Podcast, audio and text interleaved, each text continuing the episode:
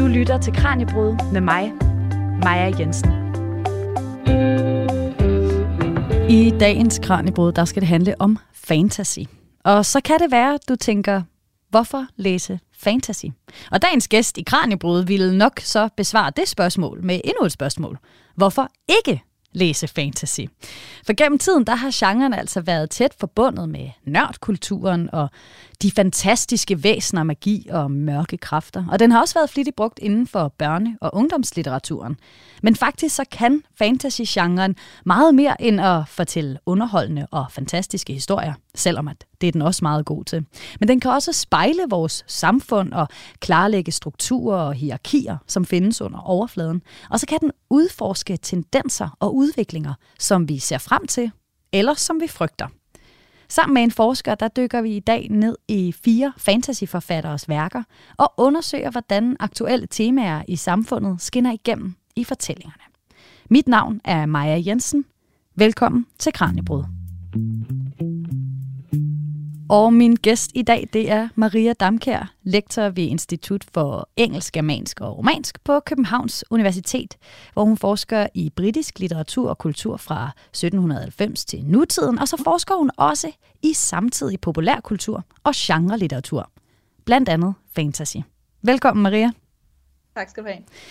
Maria, som det allerførste, inden vi dykker ned i emnet her, så kunne jeg godt tænke mig, at, at du satte nogle ord på, hvad fantasy-genren er for en størrelse. Jeg kunne godt lidt have en tendens til at komme til at blande den sammen med nogle, nogle andre genrer, men hvad er det, der gør fantasy til, til fantasy? Ja, det er jo et rigtig spændende spørgsmål, og det er jo altid svært at, at definere. Øh, men jeg tror øh, grundlæggende, at der skal være et eller andet magisk eller overnaturligt element i, i fantasy-genren. Øh, et eller andet fantastisk. Øh, men derudover kan man sige, at den, det er en genre, der er blevet bredere og bredere efterhånden. Det er ikke alt sammen øh, svær og troldmand.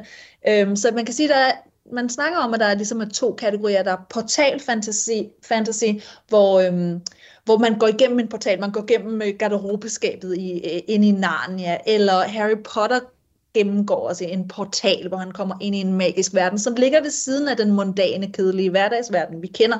Og så er det det, man kalder immersive fantasy, eller en hel verden, der er bygget op, hvor det magiske ligesom er, er, er normalt. Så, så, det, så, så det er sådan set de to hovedgenre, vi har, men der ligger en masse ned under det. Ja, og nu sagde jeg jo i min introduktion til det her program, at fantasy ofte er blevet kædet sammen med nørdkultur og den her børne-ungdomslitteratur. Altså det er i hvert fald sådan, jeg har opfattet det. Og det kan jo også være en eller anden form for fordom, øh, at det måske ikke er noget, som de allermest seriøse læsere, litteraterne, øh, kaster sig over. Hvad tænker du om den beskrivelse, eller den idé, jeg har? Den, den ligger rigtig meget i, i meget den måde, det snakkes om. Og vi kommer nok heller ikke helt væk fra nørdkulturen. Jeg er jo en stolt nørd. Øhm, men der har været en, og er stadigvæk en fordom imod fantasy-litteratur. Øh, og det er også nemt at, at lave parodier på fantasy, for når fantasy er dårligt, så er det, så er det rigtig dårligt. Øhm, men det kan man jo sige om, om, øh, om noget øh, realistisk litteratur også. Øh, men øh, der er helt klart, øh, der er helt klart et hierarki en, øh, øh som, og en del snopperi omkring genre-litteratur, og det synes jeg er rigtig synd. Ja. En anden fordom, jeg har, eller en anden idé om den her genre, den handler om forfatterne, fordi jeg har et billede af en typisk fantasy-læser, og så har jeg et type, øh, billede af den typiske fantasy-forfatter. Har du lyst til at give et bud på, hvilken type jeg forestiller mig, Maria? Altså med de typiske fantasy-læsere, vil jeg tro, så, så, så, tænker, vi, så tænker vi, som du rigtig sagde, øh, forholdsvis unge, eller øh, hvad hedder det, nørder, og man ser tit en eller anden bleg mandlig øh, nørd foran sig, som sidder med sine, sine, sine tykke bøger, øhm, og, øh, og, så, øh, hvad hedder det, og så unge kvinder tit bliver også kædet sammen med fantasy. Så det er nogle af de typiske øh, stereotyper omkring læserne. Omkring forfatterne, så er det de der hvide mænd. Vi har jo Tolkien og C.S. Lewis, som er de her mandlige øh, Oxbridge-professorer, som har det her lille sideprojekt med at skrive noget litteratur, der starter lidt i børnegenren. Så har vi øh, Robert Jordan, som skriver Wheel of Time, som er med til at give indtryk af det her kæmpe, kæmpe store værker. Jeg kan ikke huske, hvor mange der er i Wheel of Time. Der er rigtig mange bøger. Og så har vi George R. R. Martin, Song of Ice and Fire. Han er jo så en af, også en af de store, især efter filmatiseringen øhm, er på, på HBO er kommet, ikke? altså Game of Thrones. Øhm, så det, det er ligesom stereotypen, den der mandlige forfatter, som skriver lange bøger. Hvordan har fantasy-genren udviklet sig? Øh, ja, altså der er jo en tråd af fantasygenren, der bygger sig meget videre på den store historie, nationers udvikling, krig. Det er sådan den helt store skala, og så individet i, øh, i, i den kontekst, høj og lav, konger og dronninger. Vi ser det jo lidt i, øh, vi ser det lidt i, i Game of Thrones, i George R. R. Martin. Øh, så den, den er der stadigvæk, og hvis man ikke kan med det, så skal man undgå det, fordi det, det, det, øh, det, er, for, det er for øh, en bestemt smag. Men så er der også udviklet sådan nogle ting, det man kalder dark fantasy eller urban fantasy. Øhm, og i høj grad kan man sige, at fantasy-genren generelt er begyndt at bevæge sig væk fra god mod dårlig og mere over i gråzoner. Det kan man især se i sådan noget dark fantasy. Hvad vil det sige at være god? Hvad vil det sige at være ond? Øh, så det ikke længere er hvide hatte og sorte hatte, men, øh, men meget mere et mudret landskab, kan man sige. Øhm, og så vil jeg sige en sidste ting, som, øh, som har udviklet sig ret stærkt i de senere år, er øh, det, man kan kalde mm, øh, folklore-fantasy, kultur-fantasy eller folkeslagsfantasy, som er øh, forfattere, der skriver ud fra en bestemt øh, kulturel vinkel. Øh, så for eksempel Ken Liu, som er, er kinesisk-amerikaner og skriver fantasybøger, der tager udgangspunkt i kinesisk historie og, øh, og mytologi. Så har vi øh, uh, Nnedi Okorafor, som uh, skriver med udgangspunkt i forskellige uh, uh, afrikanske myter, blandt andet en, uh, en bog, der hedder Akata Witch, som er en, en, en serie, hun har også skrevet, uh, Nnedi Okorafor har også skrevet en del uh, science fiction, med et afrocentrisk uh, uh, udgangspunkt. Så har vi sådan en som Naomi Novik uh, med Uprooted, som skriver ud fra sådan slaviske uh, folkesavn og, og traditioner. Øh, og man kan sige, at meget af den her fokus er vokset ud af en interesse stadigvæk for Tolkien. Blandt andet der bliver der diskuteret rigtig meget om Tolkiens raser. Øh, hans menneskeraser, men også elver og, og især orker bliver diskuteret rigtig meget. For hvad vil det sige at have, et, have ondskab som rasetræk? Og det er noget, som fantasy, som alt fantasy, som opererer med, med, med forskellige fantasy-raser, må forholde sig til i øjeblikket. Altså, Øh, uh, J.K. Rowling blev også, blev også kritiseret for hendes fremstilling af goblins, som er øh, bankfolk med krogede næser, som er meget griske og har et problematisk moral, øh, forhold til moral og ejerskab det er en øh, antisemitisk, øh, og, det, og det har hun helt sikkert ikke gjort med vilje, men i de der racebeskrivelser ligger der nogle ting latent, som vores kultur har kodet os med, så der er rigtig meget diskussion om, hvad Tolkien vil med de der orker og så videre. Al, alle de der ting bliver taget meget op i de nyere, den nyere fantasy-litteratur. Ja, altså da vi talte om de de store klassikere før, så, øh, så snakker vi også om, at jamen, der er øh, der er det ældre hvide mænd, der, øh, der har domineret det marked i hvert fald. Men de forfattere, du lige nævner her, lyder ikke som gamle hvide mænd. Der er for eksempel også kvinder. Er der også sket noget med forfatterne? Altså, hvem det er, der udgiver og bliver populær? Helt sikkert. Og det er der jo generelt, kan man sige, udgivet i, i, i, i hvad hedder det, i bogbranchen, er der jo flere og flere kvindelige forfattere, men især inden for science fiction og fantasy er der sket en rivende udvikling. Øh, og det, det er i sig selv problematisk, når mange kvinder kommer ind på et marked, så, bliver det, så har der en tendens til at blive devalueret på en eller anden måde. Så man kan se i, øh, i hvad hedder det, i stemmeudviklingen til Nebula Awards og andre øh, genre-specifikke øh, øh, hvad hedder det, organisationer, at der er forskellige forskellige faktioner og, og, og, og antifeministiske faktioner og sådan noget. Så der, der er rivende udvikling i det i øjeblikket, øhm, men det er en meget, det er en meget fremadskuende og en ret progressiv genre, kan man sige. Og det er et sted, hvor kvinder kan få, øh, kan, kan få fodfæste i, øh, i øh, hvad hedder det, publik, publikas, altså sådan i bogbranchen, ja. øhm, på, en, på en anden måde end, end den sådan lidt bredere litteratur. Så, så det er et godt startsted for mange forfattere. Kan man se en sammenhæng mellem nogle nye temaer, nogle nye forfattere, og så også hvem publikummet er, altså hvem der læser bøgerne?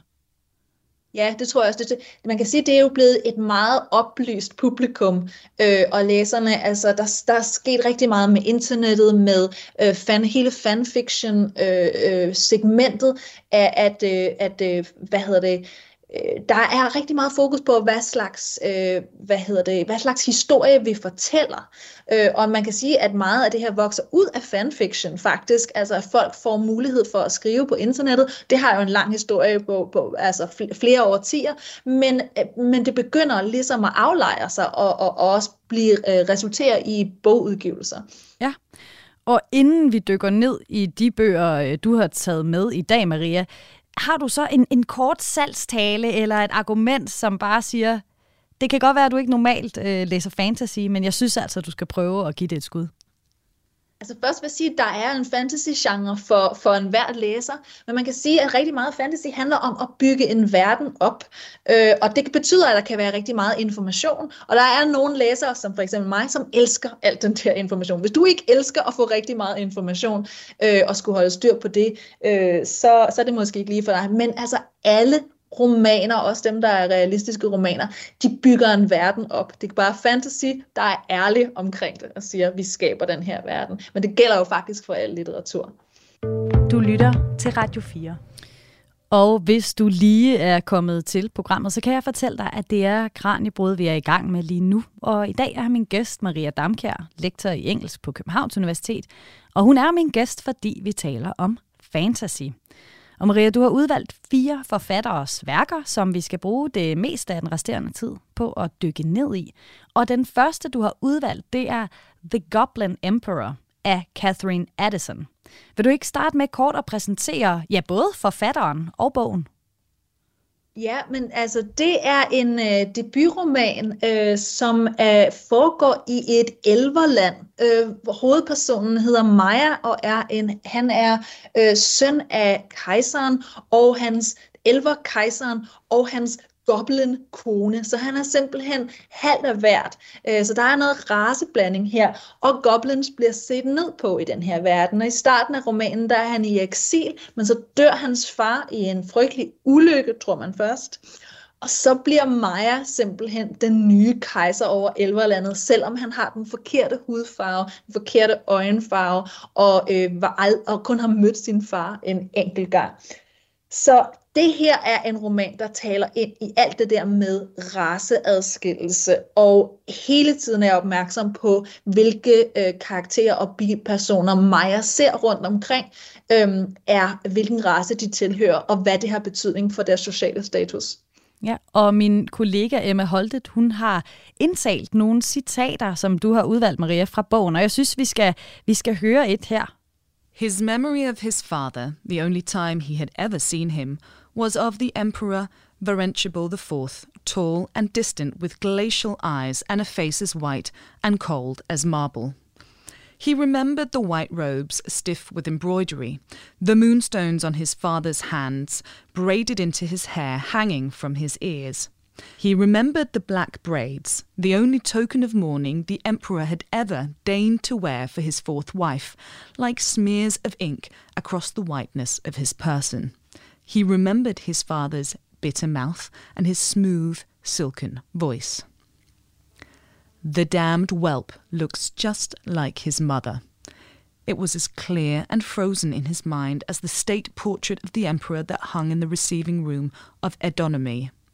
And now there was no chance for it to change, no hope for it to be replaced. Maria, hvad er det, der sker? Det er jo tydeligvis hovedpersonen, der, der fortæller om mindet om sin far, men hvad er det for et forhold? Det lyder jo ikke nemt. Nej, det var et, øh, et politisk ægteskab, og lige så snart øh, Maja blev øh, undfanget, så sendte øh, kejseren simpelthen sin øh, kone i eksil. Så han har kun mødt øh, sin far en gang ved morens begravelse, da hun dør nogle år senere.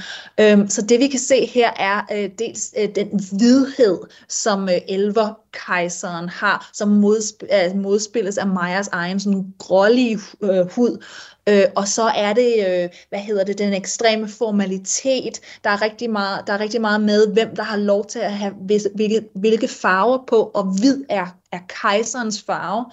Og så handler det her også om traume. Altså det handler om et, øh, en, øh, en, ung, en ung mand i starten af den her bog, som ikke har, som mistede sin mor i en ung alder, og som ikke har øh, nogen mandlige, øh, hvad hedder det, øh, familiemedlemmer, som han har noget som helst forhold til. Og det er et tab og et sorg, så på mange måder er det også en bog om en isoleret ung mand, som pludselig bliver kastet ind i noget, han ikke er forberedt på. Ja, men i det du fortæller her, og, og, og det vi kan høre i citatet, det, er, øh, det træder ret tydeligt frem for mig, nu må du rette mig, hvis jeg tager fejl, Maria, at der er noget race, racisme på spil her. En beskrivelse af det, det fortalte du jo også om før, var, var et tema, som man er begyndt at, at være mere opmærksomhed, eller opmærksom på, også i fantasy-litteraturen. Øh, Ja, det bliver arbejdet igennem meget her, og på, på en måde, så den her unge mand er så, han er utrolig tydelig. Han bliver centrum for en hel øh, kultur, som har prøvet at gøre goblins øh, usynlige. De er alle steder, men deres øh, hudfarve er forbundet med en, en lav social status.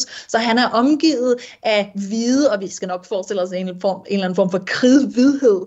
Øh, og, øh, øh, hvad hedder det? Øh, adelsfolk. Og så er han der i centrum, som den her fejltagelse som den her mm, øh, mixed race øh, hovedperson. Um, det er en ekstrem voldsom og ubehagelig oplevelse, og, og handler om, hvordan øh, de her forskelle bliver indkodet i et samfund. Ja.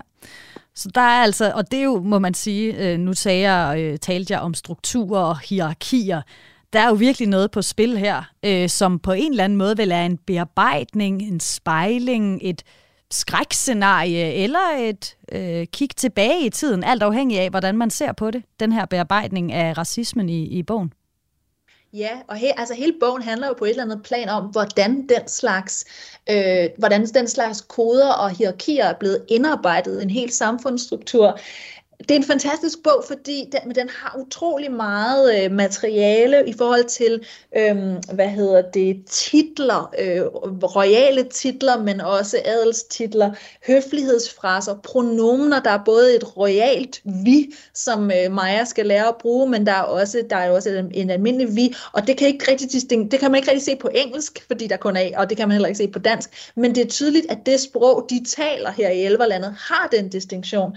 Øhm, så der er den her der er den her formalitet og den her enorme gennemarbejdede kultur, som, øh, som er det, som beskriver. Og så under flad, overfladen på alt det der formelle øh, pomp and circumstance og høflighedsfraserne, så er der alt det farlige. Der er jo også en morgåde i den her roman. Det er også lidt en krimi, fordi at øh, vi skal have fundet ud af, hvem der har slået kejseren og hans tre ældste sønner ihjel. Øhm, så der er hele tiden den her trussel øh, under alle de her høflighedsfraser. Det er et enormt gennemarbejdet univers, er, er det sådan har beskrevet, og den er, det er en fornøjelse at læse. Ja.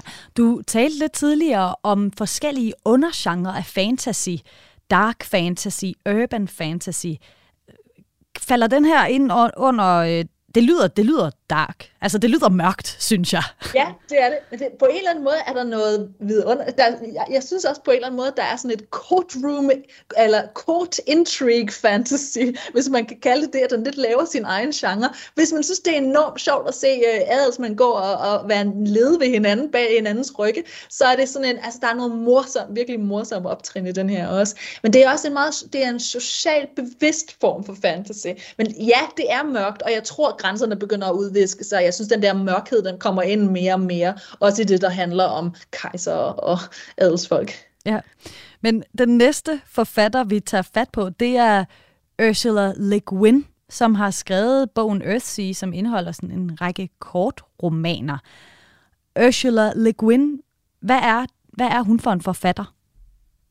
Hun er jo grand old dame inden for øh, genre-teori, øh, genre-litteratur. Øh, øh hun skrev science fiction, hun skrev også det her øh, øh, fantasy, og hun skrev rigtig meget, hvor hun reflekterede over sin egen, øh, sin egen proces, øh, og har i øvrigt været udsat for sexisme gennem hele sin karriere, øh, og først faktisk rigtig noget, noget hun held, nåede heldigvis at få bred anerkendelse, inden hun døde for nogle år siden.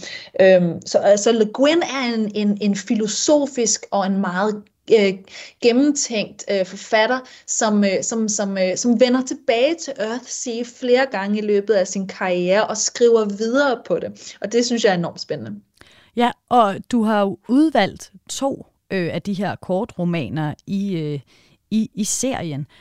Hvorfor stod lige præcis de her to ud for dig? Hvad, hvad gør dem til noget særligt? Ja, altså da jeg første gang prøvede at læse Earthsea, da jeg var teenager, så startede jeg med den, den første, A Wizard, A Wizard of Earthsea. Um, øhm, og den handler om en ung mand, der skal være, der skal, han skal på en skole, og så skal han lære at være troldmand.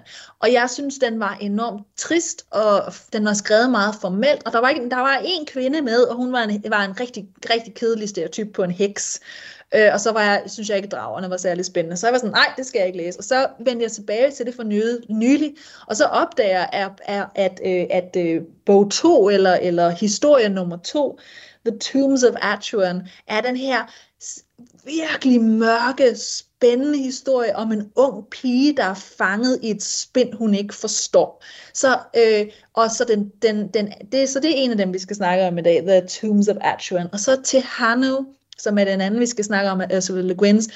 Det er så en roman om den unge pige, da hun er blevet voksen og har været gift og har haft et barn og er en midalderne kvinde, og reflekterer over, hvad rolle hun nu har i den verden, hun lever i. Så man kan se, hvordan Le Guin har bygget på og har faktisk stillet spørgsmålstegn til den verden, hun først, hun først øh, kreerede. Så alle de kritikpunkter, jeg havde af A Wizard of Earthsea, dem har hun så reageret på. Jamen der, ja, men der var ikke plads til kvinder på den troldmandsskole, jeg skrev. Øhm, så det synes jeg er enormt spændende. Så der er virkelig også noget selvkritik der? Ja, Le Guin er en, der går meget tilbage og reflekterer. Hun havde skrevet en, en øh, science fiction roman øh, på et tidspunkt, som hedder The Left Hand of Darkness, og der er de hermafroditter, så bruger hun konsekvent he om hermafroditterne på den her planet, og så senere reflekterede hun over, at det var simpelthen fordi, at hun opfattede på det tidspunkt, ordet, uh, pronomet he som et neutralt, fordi det er ligesom det, hun var oplært til, og så gik hun tilbage og overvejede over, hvad det egentlig betød for, hvem hun var, og hvilken kultur hun var kommet fra. Så enormt reflekterende forfatter. Ja, men jeg synes, vi skal prøve at høre et citat først fra, fra den første roman, du, du nævnte, eller kortroman, The Tombs of Atuan. All the tunnels were the same, crossing and recrossing. She kept careful count of her turnings and passings and recited Thar's directions to herself, though she knew them perfectly, for it would not do to get lost in the labyrinth. In the underwomb and the short passages around it, Thar might find her, or Manan come seeking for her, for she had taken him there several times. Here, none of them had ever been, only she herself. Little good it would do her if they came to the underwomb and called aloud, and she lost in some spiraling tangle of tunnels half a mile away. She imagined how she might hear the echo of voices calling her, echoing down every corridor, and she would try to come to them, but, lost, would only become farther lost. She would not get lost. She was very careful, and this was her place, her own domain. The powers of the dark, the nameless ones, would guide her steps here, just as they would lead astray any other mortal who dared enter the labyrinth of the tombs. Hvad er det, der sker i, i det her citat, Maria? Ja, men det er jo, det er jo hovedpersonen Tenar, som er øh, blevet udvalgt som seksårig til at være ypperste præstinde for den her meget mørke statsreligion. Og indimellem så bliver hun sendt nogle fanger af kongen, som hun skal henrette for, fordi guderne skal straffe hende. Og hun har så adgang til den her labyrint, som hun er den eneste. Hun har nogle, nogle, nogle følgere, en, øh, hvad hedder det, som, som, som, som kan guide hende noget af vejen, men labyrinten skal hun selv finde rundt i, den her unge pige. Så hun går ned under jorden i det her, øh, hvad hedder det, meget farlige sted, og der er den her tyngde, den her trykken, det her mørke i hele, i hele den her kortroman, som er, er, er hun har solgt, hun, har, hun er blevet spist af de her guder, og hun er, er forsvundet. Så sker der det, at hun finder en dag en ung mand nede i den labyrint, hvor ingen mænd og ingen fremmede må opholde sig. Og det er så hovedpersonen, det er Gad, det er hovedpersonen fra den første roman fra uh, Wizard of Earthsea og hun, begynd, hun vil straffe ham, men hun begynder så at konversere med ham, og langsomt finder hun ud af, at hun jo er blevet prisgivet nogle, nogle magter, som hun, ikke, øh, som hun ikke har kontrol over, og, øh, og, og lærer derved noget nyt om sig selv. Ja, og så, som du fortalte før, så i den roman, øh, en senere kort roman, Til her nu, der hører vi så fra, fra den samme kvindes point of view, men når hun er blevet ældre. Og øh, det skal vi høre et klip fra her. All the same, it was she who had told them Ogien's true name. It seemed some courtesy was owing. But wizards, as such, had nothing to do with courtesy. They were men of power. It was only power that they dealt with, and what power had she now? What had she ever had? As a girl, a priestess, she had been a vessel. The power of the dark places had run through her, used her, left her empty, untouched. As a young woman, she had been taught a powerful knowledge by a powerful man and had laid it aside, turned away from it, not touched it. As a woman, she had chosen and had the powers of a woman in their time, and the time was past. Her wiving and mothering was done. There was nothing in her, no power for anybody to recognize. But a dragon had spoken to her. I am Kalesin, it had said, and she had answered, I am Tanar. Så denne her historie, eller den her kortroman, Maria, den er altså fortalt fra en ældre kvindes nu øh, ja, perspektiv. Er det typisk for fantasy-genren? Altså i andre genrer, måske bare altså medierne generelt, hører man ikke så meget om eller fra ældre kvinder? Nej, det er nemlig meget atypisk. Vi kommer til at se det i en af de andre øh, tekster, vi skal beskæftige os med i dag, men det er øh, noget helt nyt, og især at den også reflekterer så meget. Le Guin reflekterer så meget over, at hun, er kom, hun har skrevet et sexistisk univers de, øh, de troldmænd, som øh, øh Tenar møder, er, øh, er, altså, de er ikke fjendtlige som sådan, men de er bare ikke interesseret i, hvad hun har at sige. Og den forbindelse, hun havde som ung, i at hun mødte Gad i labyrinten, og havde en, en, altså et adventure, øh, og blev, blev sat fri, øh, fik øh, sat sig selv fri ud øh, fra, det, fra den, øh, den altså, religion, hun var fanget i, Øhm, det betyder ikke noget længere, fordi nu kan hun bare aflæse, som hun er en gammel kvinde. Hun har ikke nogen værdi længere. Øhm, og så samtidig er der, så der er en undersøgelse af, er der måske en eller anden magt, som de der troldmænd ikke har forstået. Og det er der, vi kommer til det med dragerne. Øhm, at der, dragerne repræsenterer en form for magi, som mennesket ikke, i rigtig mange fantasy-romaner, som mennesket ikke kan kontrollere. Så noget, der ligger ud over det menneske, den menneskelige forståen. Øhm, så hun har faktisk haft adgang til noget. Hun har et eller andet, men det er ikke noget, som bliver anerkendt. Man kan også sige, at den kortroman, som, som det her sit sidste citat var fra, til Hanu, øhm, det er ikke hende, der er, det, der er navnet, øh, der er den, øh, hvad hedder det, titlen på, øh, på, øh, det er en anden, der er hovedpersonen, eller i hvert fald titelpersonen. Hun er selvfølgelig hovedpersonen, for det er primært hende, det foregår. Jeg skal ikke afsløre, hvem det er, men spørgsmålet, som Le Guin stiller, er, hvem kan være i centrum af en fortælling, og hvem må være i periferien. Og hun eksperimenterer virkelig med det her. Kan vi sætte en ældre kvinde i centrum af den her fortælling? Og hvordan passer hun ind i det helt, den store historie i Earthsea med troldmænd og konger og, øh, hvad hedder det, magt? Ja, og, og fra øh, denne her fortælling med, med en ældre øh, kvinde i centrum, så skal vi nu til den næste forfatter i rækken, Brandon Sanderson, og hvis vi starter med en præsentation af forfatteren, inden vi, øh, vi går, til, går til værket. Ja, altså så nu er vi tilbage til de hvide mænd, men øh, Brandon Sanderson er øh, en fantastisk dygtig forfatter, og hvis man vil have en forfatter, hvor man har en god fornemmelse af, at han får skrevet sine meget lange værker færdig, så er det Sanderson, man skal gå til, for han er nok den mest produktive fantasyforfatter nulevende. Øhm, det er ikke sådan noget George R. R. Martin, der går syv år mellem bøgerne og sådan noget. Sanderson skriver meget, og han skriver rigtig godt. Så det er det første ved ham. Øh, øh, hvad hedder det? Det andet er, at Sanderson er ekstremt god til at konstruere systemer, især magisystemer, men også sociale systemer. Så i, øh, i den ene bogserie, vi skal snakke om, der er der et magisystem, meget, meget velbeskrevet og, og, og, og, og virkelig specifikt magisystem, og så en helt ny i den anden bogserie. Øhm, så han lægger enormt meget energi i, at det skal fungere og give intern, være, være intern logisk. Ja, og du siger, at der er, der er to forskellige øh, universer, øh, vi skal tale om. Hvad, hvad er det for to fortællinger, du har, du har taget med til os fra ham? Ja, jeg kunne ikke begrænse mig. Det er også, hvis man gerne vil have noget, som er skrevet færdigt, så er Mistborn-trilogien, den er et rigtig godt eksempel. Øhm, der er et magisystem, som baserer sig på metaller. Man kan på forskellige måder få metaller øh, ind i sin krop, øh, ved at sluge dem for eksempel, og så bruge dem til øh, at udøve forskellige magiske kræfter. Øhm, og så samtidig er Mistborn stiller spørgsmålet, hvad hvis mørkets fyrste vandt? Hvad sker der så med verden? Så i den i Mistborn-universet, der har mørkets fyrste vundet, og der er gået 1000 år, og han har ligesom været højkejser for det her, for, for det her, øh, den her verden, det her land i al den tid. Så der falder aske ned fra, fra, fra himlen, og alle øh, bladene er blevet brune, og der er øh, øh, udbredt slaveri og, øh, og, og, og social undertrykkelse.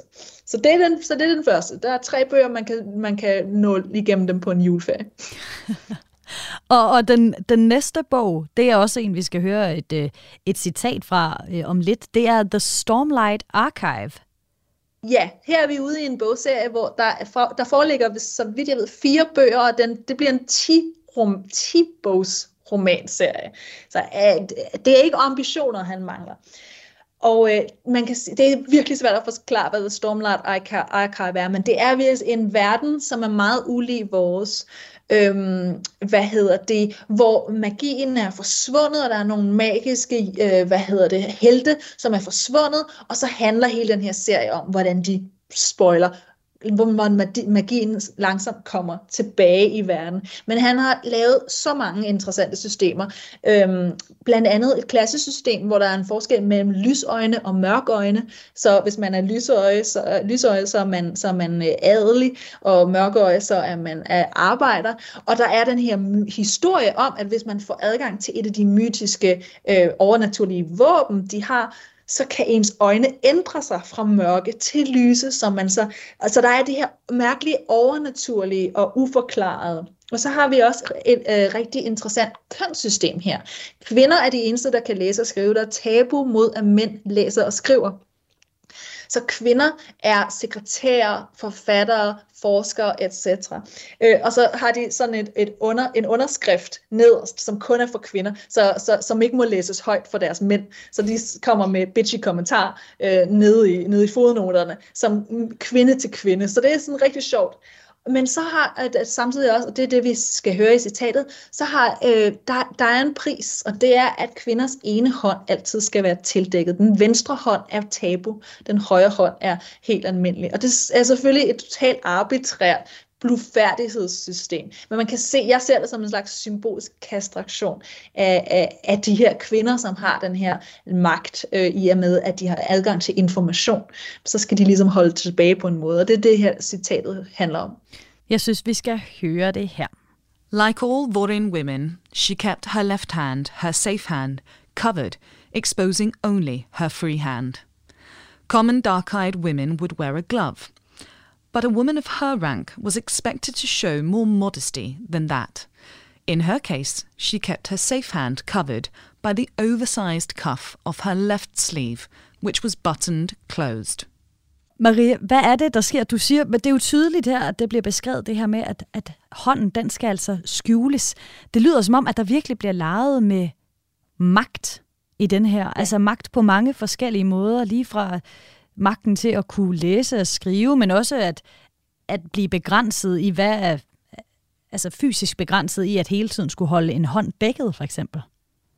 Ja, og den, den, den leger jo simpelthen med noget af det arbitrære i de regler og, og, og, og tabuer, vi har, øhm, men også hvordan, øh, hvad hedder det, hvordan kan en, øh, et, et samfund ligesom lade sig undertrykke eller gøre, naturliggøre noget, som ikke nødvendigvis er naturligt. Så hele det her spørgsmål om, hvad, hvad, der er, hvad der er gængs, hvad der er normen, hvad der er kutyme her, er det her med, at man nemt kan afkode, hvem der er i hvilken klasse, og man nemt kan afkode, øh, om, altså, og, hvis man har handske på, så er man helt klart i arbejderklassen. Det er lidt ligesom øh, i gamle dage, hvor hvis man var, var solbrændt, så var det fordi, man arbejdede ude i marken, så derfor så skulle overklasse kvinder holde sig helt hvide. Så det er en videreudvikling af det. Han, han leger lidt med den her idé om, at en verden er indkodet på en bestemt måde. Og for læseren er det jo så, fordi Sandersen har så ekstremt mange informationer og så mange systemer, så fornøjelsen er, at og det er fornøjelsen ved meget fantasy, det er at afkode verden. Det er at samle de her informationer. Nå, okay, hvorfor bliver folk beskrevet som light eyes? Det forstår jeg ikke.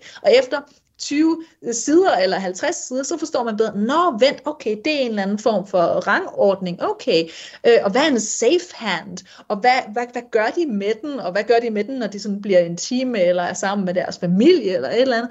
Øhm, så man afkoder og læser langsomt den her verden, og det, det der er en speciel glæde i.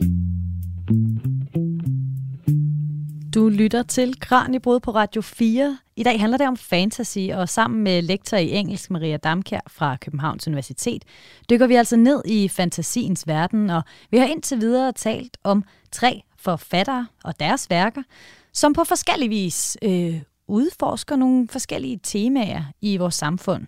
Øh, så vi kan lære utrolig meget om verden, både om verden, som den er, og hvordan den kunne være.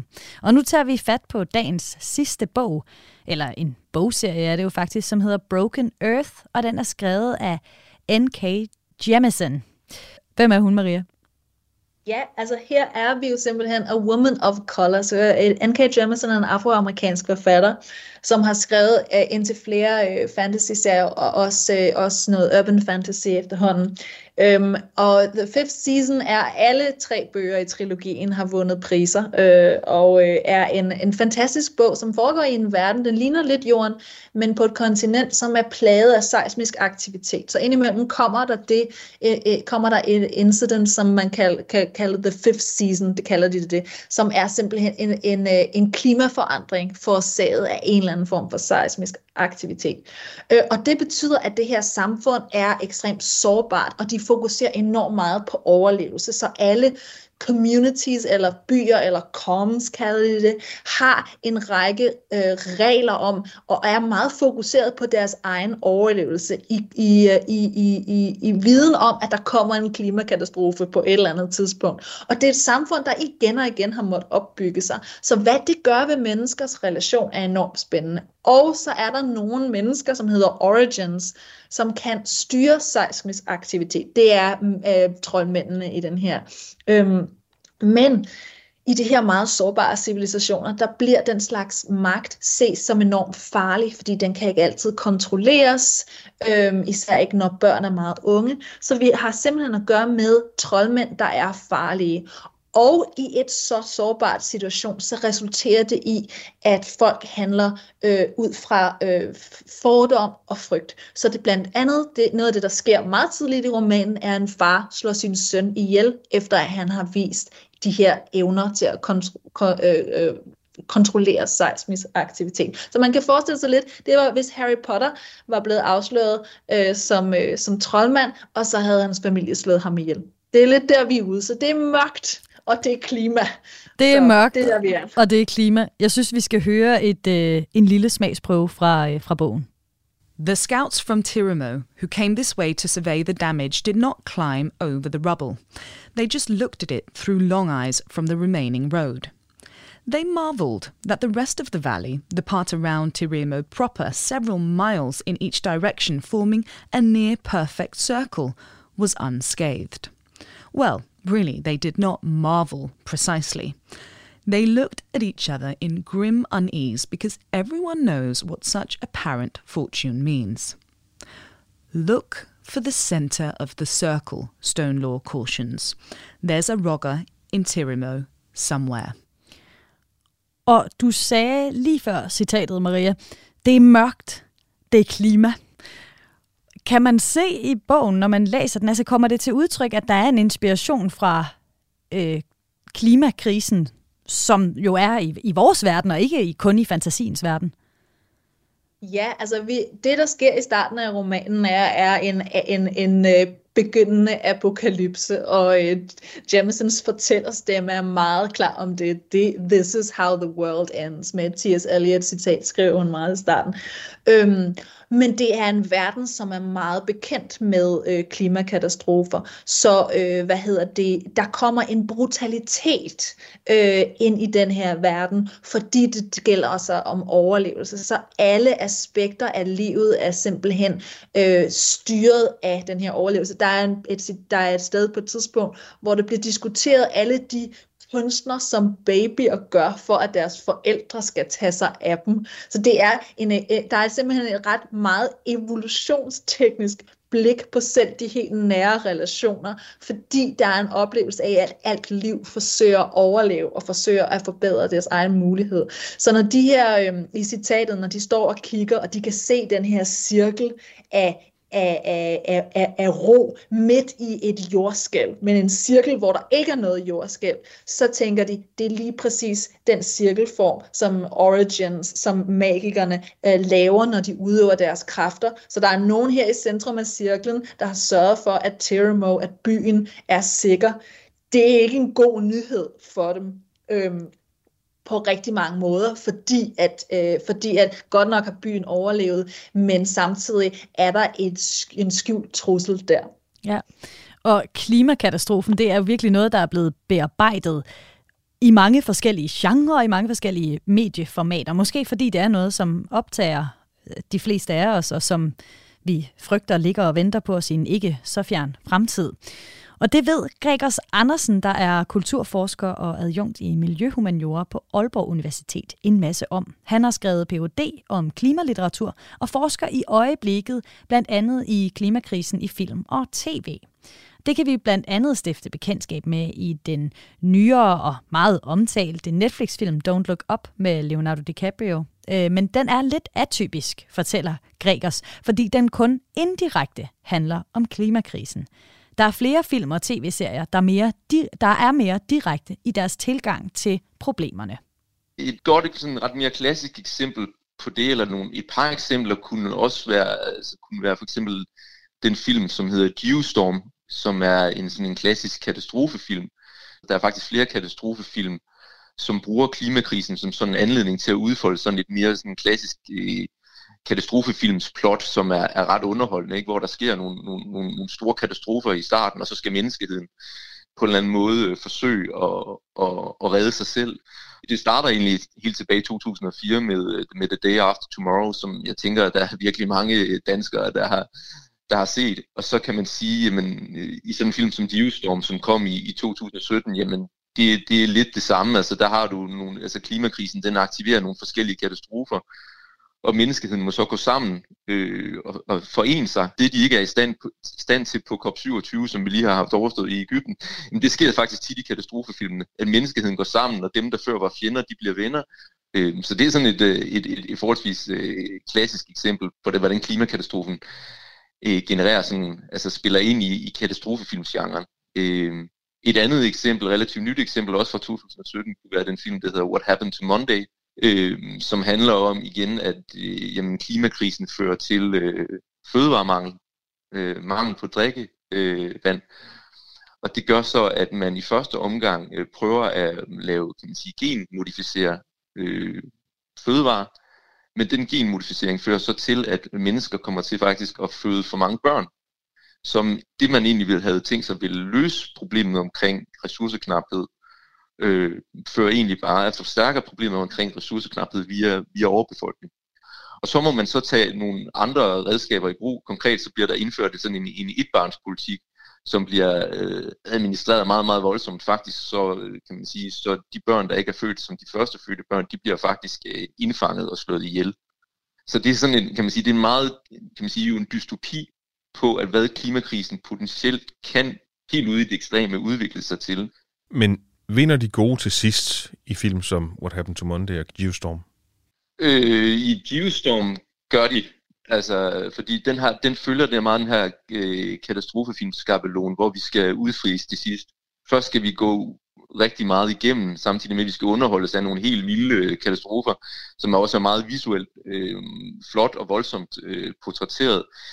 Men så skal vi hen et sted, hvor hvor menneskeheden til sidst forener sig, og, øh, og, og at der opstår sådan et, et almindeligt menneskeligt øh, bruderskab, hvor man i fællesskab, øh, kan man sige, løser problemet. Det er den klassiske øh, katastrofefilms skabelon, øh, og film som The Day After Tomorrow og Geostorm, den, den følger de også. Øh, nogle af de her mere dystopiske film, kan man sige, jamen, øh, de, de ender ikke sådan, fordi at, kan man sige, det de også gør klart, det er jo, at vi som menneskehed lige nu står på den her tærskel, der siger, okay, jamen lige nu, der har vi stadig mulighed for at begrænse i hvert fald klima, øh, klimaforandringernes konsekvenser.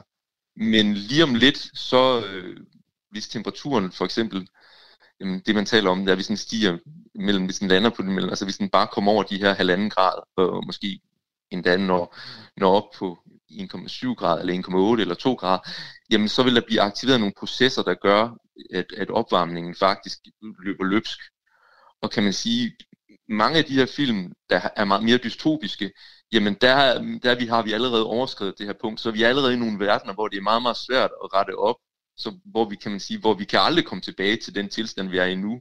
Og det er der selvfølgelig en pointe med, fordi ved at de film går frem i den her fremtid, hvor at det, vi bitterligt må erfare, hvor, hvor slemt øh, den globale opvarmning kan udvikle sig, jamen så forsøger de selvfølgelig også at, at sige til os, der lever i nutiden, hey, gør noget, vi skal ikke, vi skal ikke herhen. Fortalte Gregers Andersen. Maria Damkjær, så har vi været igennem fire forfattere og deres fantasy-fortællinger, og hvordan de på meget forskellige måder bygger verdener op, som hvor nogle af delene kan, kan spejle sig lidt, øh, kan spejle det samfund, vi lever i, eller vi måske kommer til at leve i. Her til allersidst, Maria, så vil jeg gerne vende tilbage til noget af det, vi talte om i starten af programmet, nemlig at den her genre måske ikke er så populær stadigvæk i de højkulturelle kredse. Altså, der er ikke mange anmeldelser af fantasy i Information eller Weekendavisen, for eksempel. Men der er sket meget med genren. Tror du, den vil få mere anerkendelse i fremtiden? Det, det håber jeg da, og på en eller anden måde synes jeg jo også, at man allerede kan se øh, tegn på det. For eksempel, at Nobelprisforfatteren Katsu Ishiguro har skrevet en, en, det, han kaldte en fantasy-roman, The Buried Giant. Øh, jeg synes ikke, den er videre vellykket, og Ursula Le Guin, det var før hun afgik ved døden, øh, var meget kritisk. Altså, den her roman, han havde skrevet, som brugte fantasy-elementer, blev anmeldt alle steder, fordi det var Ishiguro, det var et kendt navn, men den faktisk er, er, har problemer med rigtig mange af fantasy-idéerne, og har lidt misforstået, hvad fantasy er på en eller anden måde. Jeg synes heller ikke, det er en vellykket bog. Øhm, men jeg tror, at man kan se, at genrerne blander sig mere og mere, og der bliver taget inspiration, og for forskellige forfattere lader sig inspirere af det. Så jeg, jeg tror fuldt og fast på, at øh, ikke bare er genre-litteratur noget af det, som der bliver læst rigtig meget af, men det er også noget af det, som øh, får mere mere kulturelt indflydelse. Og det gælder ikke kun fantasy, men jeg tror virkelig, at, øh, at fremtiden er genre. Altså. Ja. Og hvis man nu har, har lyttet med til programmet her, Maria, og tænker, ah, jamen, jeg vil gerne prøve at give det der fantasy en chance, men man er helt ny i fantasyverdenen. Har du så et forslag til, hvilken bog man, man kunne øh, skrive på indkøbslisten eller ønskesedlen? Nu er det jo snart december. Ja, altså jeg vil sige, at jeg vil jeg sige, at, Catherine Addisons uh, The Goblin uh, Emperor, som er den første bog, det er simpelthen bare sådan en charmerende bog, uh, og der, at, øh, der er mange detaljer, men man behøver ikke at, øh, at, at, at kunne den, fordi det, det, om jeg så må sige, menneskelige drama i, i, i hvad hedder det, anførselstegn, er så stærkt. Så vil jeg også sige, at øh, en forfatter som Susanna Clark, hun er, hendes nyeste bog hedder Piranesi, som øh, i virkeligheden er lidt mere magisk realisme, øh, øh, og ikke så meget, det er ikke øh, svær og, og konger og, eller noget. Det foregår i et lidt underligt, øh, underligt øh, fantastisk univers, øh, men den kan jeg virkelig anbefale. Hendes første bog, øh, Jonathan Strange and Mr. Norrell, er sådan en slags Jane Austen med noget mørk fantasy indover, og er enormt morsom og velskrevet og dyster og spændende. Så øh, uh, Susanna Clark kan man helt klart forfølge som forfatter. Og hvad så, hvis man er inkarneret fantasy-fan og gerne vil høre øh, dit bedste bud som også inkarneret fantasy-fan på en bog, man, øh, man kan kaste sig over? Jeg synes, øh, at en forfatter som Aaron Morgenstern, hun har skrevet en bog, der hedder The Starless Sea, altså det, stjerne, den, det stjerneløse hav, som er sådan en biblioteksbog, der handler om storytelling, men som faktisk også øh, inkluderer mange elementer fra, øh, fra videospil. Og det tror jeg faktisk også er en af de nye ting, vi ser, at der er flere forfattere, som har spillet videospil og narrative spil, og har en, en, en, en, en baggrund i det også. Øhm, så, så det vil jeg virkelig anbefale. Ja. Maria Damkær, tusind tak, fordi du havde lyst til at være med i dag og gøre os klogere på fantasy-litteraturen. Tak, fordi jeg måtte være med. Mit navn er Maja Jensen. Tak, fordi du lyttede med. Programmet er produceret af Videnslyd for Radio 4.